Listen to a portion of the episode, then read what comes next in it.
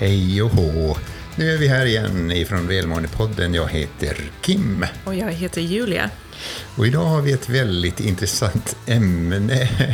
Eh, jag fyller ju år eh, och eh, inga jämna tal och så vidare. Då. Och rätt ofta är det faktiskt i min ålder då så börjar man inte prata längre om ålder. Vi ska prata om åldersnoja. Ja, och det är ju nu när vi släpper avsnittet så är det ju två dagar till du fyller år här. Och då, då kommer jag att tänka på det, men välmående och ålder, hur ser det ut egentligen? Det är väldigt intressant. Eh, I vår kultur är det ju lite känsligt att prata om ålder när man, kommer, när man passerar viss ålder. Eh, andra kulturer, till exempel i Asien, så är det väldigt hedervärt. Ju äldre man är, så desto mer ser man upp till. Och det kan ju också vara en av de orsakerna att eh, många får åldersnoja. Mm. Och då, då, då, är det faktiskt så, jag, jag tog mig en liten stund och kikade på vilka studier det finns inom välmående ålder. Och det, det har visat sig att det utförs ganska mycket forskning kring det här. Eh, och eh, egentligen majoriteten av studierna som har utförts eh, har fått resultat där ålder och välmående skapar en slags U-formad linje. Vilket innebär att välmåendet är som högst när man är ung och när man är gammal och som lägst i mitten på livet. Men andra studier har faktiskt funnit resultat och det visar åt andra hållet. Vilket då innebär att man mår som sämst när man är ung och gammal och mår som bäst under mitten av livet. Och därför har eh, några tyska forskare, de gjorde en granskande studie som släpptes 2022 där de argumenterade för att det här är alldeles för komplext. Eh, det här med ålder och välmående. Det är så mycket andra saker som spelar in. Så idag vet vi faktiskt inte om det faktiskt är U-format eller om det är åt andra hållet. Det finns inte tillräckligt med grunder för att säga att det är si eller så. Och vad, vad, är det då som gör att de här studierna får så pass olika resultat? Jo, mycket har ju kanske att göra med att det är så många olika variabler, som man brukar säga inom forskningen, men många olika områden som påverkar en individs välmående. Vart växer individen upp? Vad har individen för eh, livserfarenheter? Hur ser privatlivet ut? Vad, vad är det som händer under livet? Eh, så om du går tillbaka till dig själv, du som lyssnar, om du funderar på när mådde jag som bäst och när mådde jag som sämst? Och så ställer du dig frågan, var det på grund av min ålder? Det är väldigt intressant. Det, det är egentligen, forskningen visar att just det som man brukar rätt ofta prata om, att det är inte vad man har det, utan hur man tar det. Eh, och eh, så är det då, jag minns när jag fyllde 30 år, att jag hade väldigt åldersnoja. Och då tyckte jag att nu börjar livet ta slut här. Vad har jag åstadkommit? Vad, jag har, vad har jag gjort eh, under min eh, levnad? Och nu är det snart slut. slut. Och jag har ju faktiskt passerat det en gång till, då, den här 30-årsgränsen. Och eh, numera har man inte den delen. Men å andra sidan är det faktiskt i vår kultur, när man ska nämna då sin ålder, så blir man chockad lite själv. Och, och kanske lite en känsla av skam då, eh, av någon anledning. Och när man får höra att Åh, du, du verkar ju mycket yngre, så blir man stolt. Och det är märkligt om någon skulle säga att du verkar mycket äldre, då borde man kanske vara stolt och tänka att okej, okay, det är en person som, som tycker att jag har eh, väldigt mycket erfarenhet eller upplevelser eller då att man är, ser extra skrynklig ut. Och det är det som kanske kan påverka vår välmående, just utseende. Vi, vi är ju så väldigt ut, utseendefixerade det finns eh, en av mina favoritartister, countryartisten Tim McCraw. Han, en av hans låtar som jag älskar texten eh, i då, den heter Forever 17 och en citat ifrån den sången All those years around your eyes always take you by surprise. You'll be living in a dream forever 17. Så det kan ju vara så här, eh, vilket ofta kan ju upplevas när man ser sig i spegeln och tänker vad är det för en gammal människa som tittar en ifrån eh, spegelbilden? Och då kommer ju för vissa människor kommer det den här ångesten att jag har inte hunnit så mycket, jag har inte fått uppleva så mycket och nu ja, tiden går väldigt fort. Och andra människor kanske kan uppleva att jag har upplevt så fantastiskt mycket och livet är så berikande så jag vill inte att det ska ta slut. Så den här upplevelsen av tiden, det kan ju också påverka vår välmående. Mm. Och mycket handlar ju om hur man tar det och vad man väljer att fokusera på.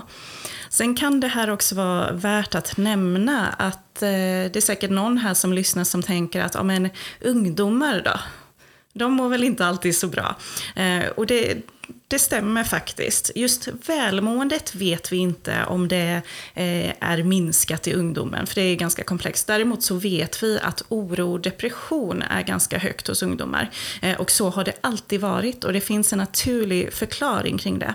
Och det handlar om att när man är 16, 17, 18, 19, 20, 21, upp till 25 där så är det ett eh, område i hjärnan som lever ganska starkt och det är känslocentret. Eh, bland annat vad vi brukar nämna amygdalan i hjärnan som eh, är väldigt aktiv. Och det beror på att eh, frontalloben har inte utvecklats ännu och är inte, eller rättare sagt den är inte färdigutvecklad. Och frontalloben är ju den delen av hjärnan som kan lugna ner känslocentrat. Som kan se till att eh, eh, de här, man kan använda sina rationella tankar för att lugna ner sina känslor. Den förmågan har man inte när man är så pass ung. Eh, på grund av hjärnan helt enkelt. Så att oro och depression är högt bland ungdomar, det, det är så det är. Och eh, om du själv är ungdom som lyssnar på det här, håll ut, när du fyller 25 så kommer det kännas mycket bättre. Så är det. Och man brukar säga att, att eh, när man mognar då så mår man bättre. Väldigt viktigt att påpeka att mognad och ålder behöver inte alls vara samma sak. Vissa människor är väldigt gamla men de har aldrig mognat. Och andra människor kan vara väldigt unga och de har mognat väldigt mycket. Eh, så behöver inte vara. Om du nu har drabbats av lite åldersnoja, så lite tips till dig. Eh, sätt dig ner och skriv ner alla de sakerna du har redan hunnit göra, vad du är stolt över, vad du har åstadkommit. Och också blicka framåt. Vi har ju några avsnitt om detta då, när du ska fantisera och tänka på dina, din framtid och, och dina mål. Vad är det du vill göra också? Också en annan sak som, som du bör tänka på, när du klär dig tänk inte på att i min ålder, eller det här, de här, den här klädseln passar väl in i min ålder. Eller när, du, när det ska vara lite beteende, och i min ålder bör man bete sig på det här viset.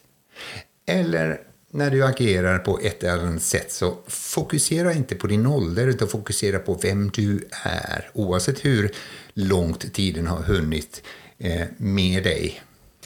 Verkligen, och detsamma gäller också när du bemöter andra människor. Bemöt inte dem baserat på vilken ålder de tillhör, utan bemöt personen med nyfikenhet, för det är en person du möter, inte en ålder. Eh, det kan också vara värdefullt, och eh, särskilt inom eh, yrkeslivet bland annat, där det är lätt att man börjar peka på varandra, att den generationen och den åldersgruppen just nu, den är katastrof, till exempel. Ganska vanligt att man får höra det. Men se individen den? Det är ju så. Och också då när du umgås med andra människor så behöver du inte bara välja dem i din åldersgrupp utan framförallt um, välj umgänge hos dem som är mycket yngre än dig också. Så får du också känna då att eh, ja, du föryngras. Det finns några studier som gjordes i USA 1979, vissa påstår 81, men där någonstans, som var väldigt intressant. Ja, och då var det så här att eh, det var en forskare som ville se om om den här åldrandet, om, själva, om vårt mindset påverkar åldrandet eller inte. Eh, och då tog de åtta stycken män, så det här var, var ett litet experiment. Så att eh, eh man får kanske ta det lite med en nypa salt. Det hade varit väldigt intressant om man hade kunnat replikera det här och göra det stort. Men de tog åtta män som fick åka tillbaka eh, i tiden. Eh, så de fick eh, flytta in på ett ställe där de skulle bo under fem dagar, där de hade gjort om allt som om det vore 50-tal igen. Exakt, det skulle varit 59 för deras del. Och när de lyssnade på radio då var det 50-talsmusik och 50-talstal där.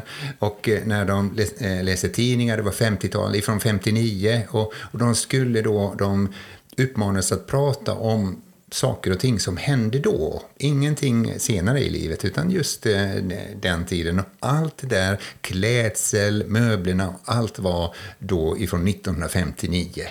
Mm. Och självklart så tog de då och eh, eh mätte de här männens eh, eh olika liksom, kropp och eh, hur de betedde sig och hur de såg ut och så. så att vad de fann var att efter de här fem dagarna så var de här männen smidigare i kroppen. De hade en högre förmåga att eh, röra sina fingrar och eh, hålla i saker. Och de, när de satt ner så hade de en mer sträckt position så att de uppmärktes som att de var längre. Och någonting som kanske var egentligen som man känner, hur är det här möjligt? Så var det faktiskt så att deras syn förbättrades.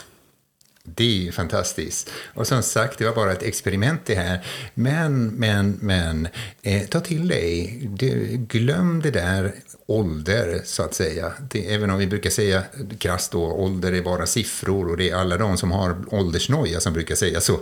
Men, men, men passa på att leva. Och eh, det var någon som sa till mig för ett tag sedan och sa, jag, jag är så rädd för att bli gammal. Och mitt svar var, det är ju mitt mål.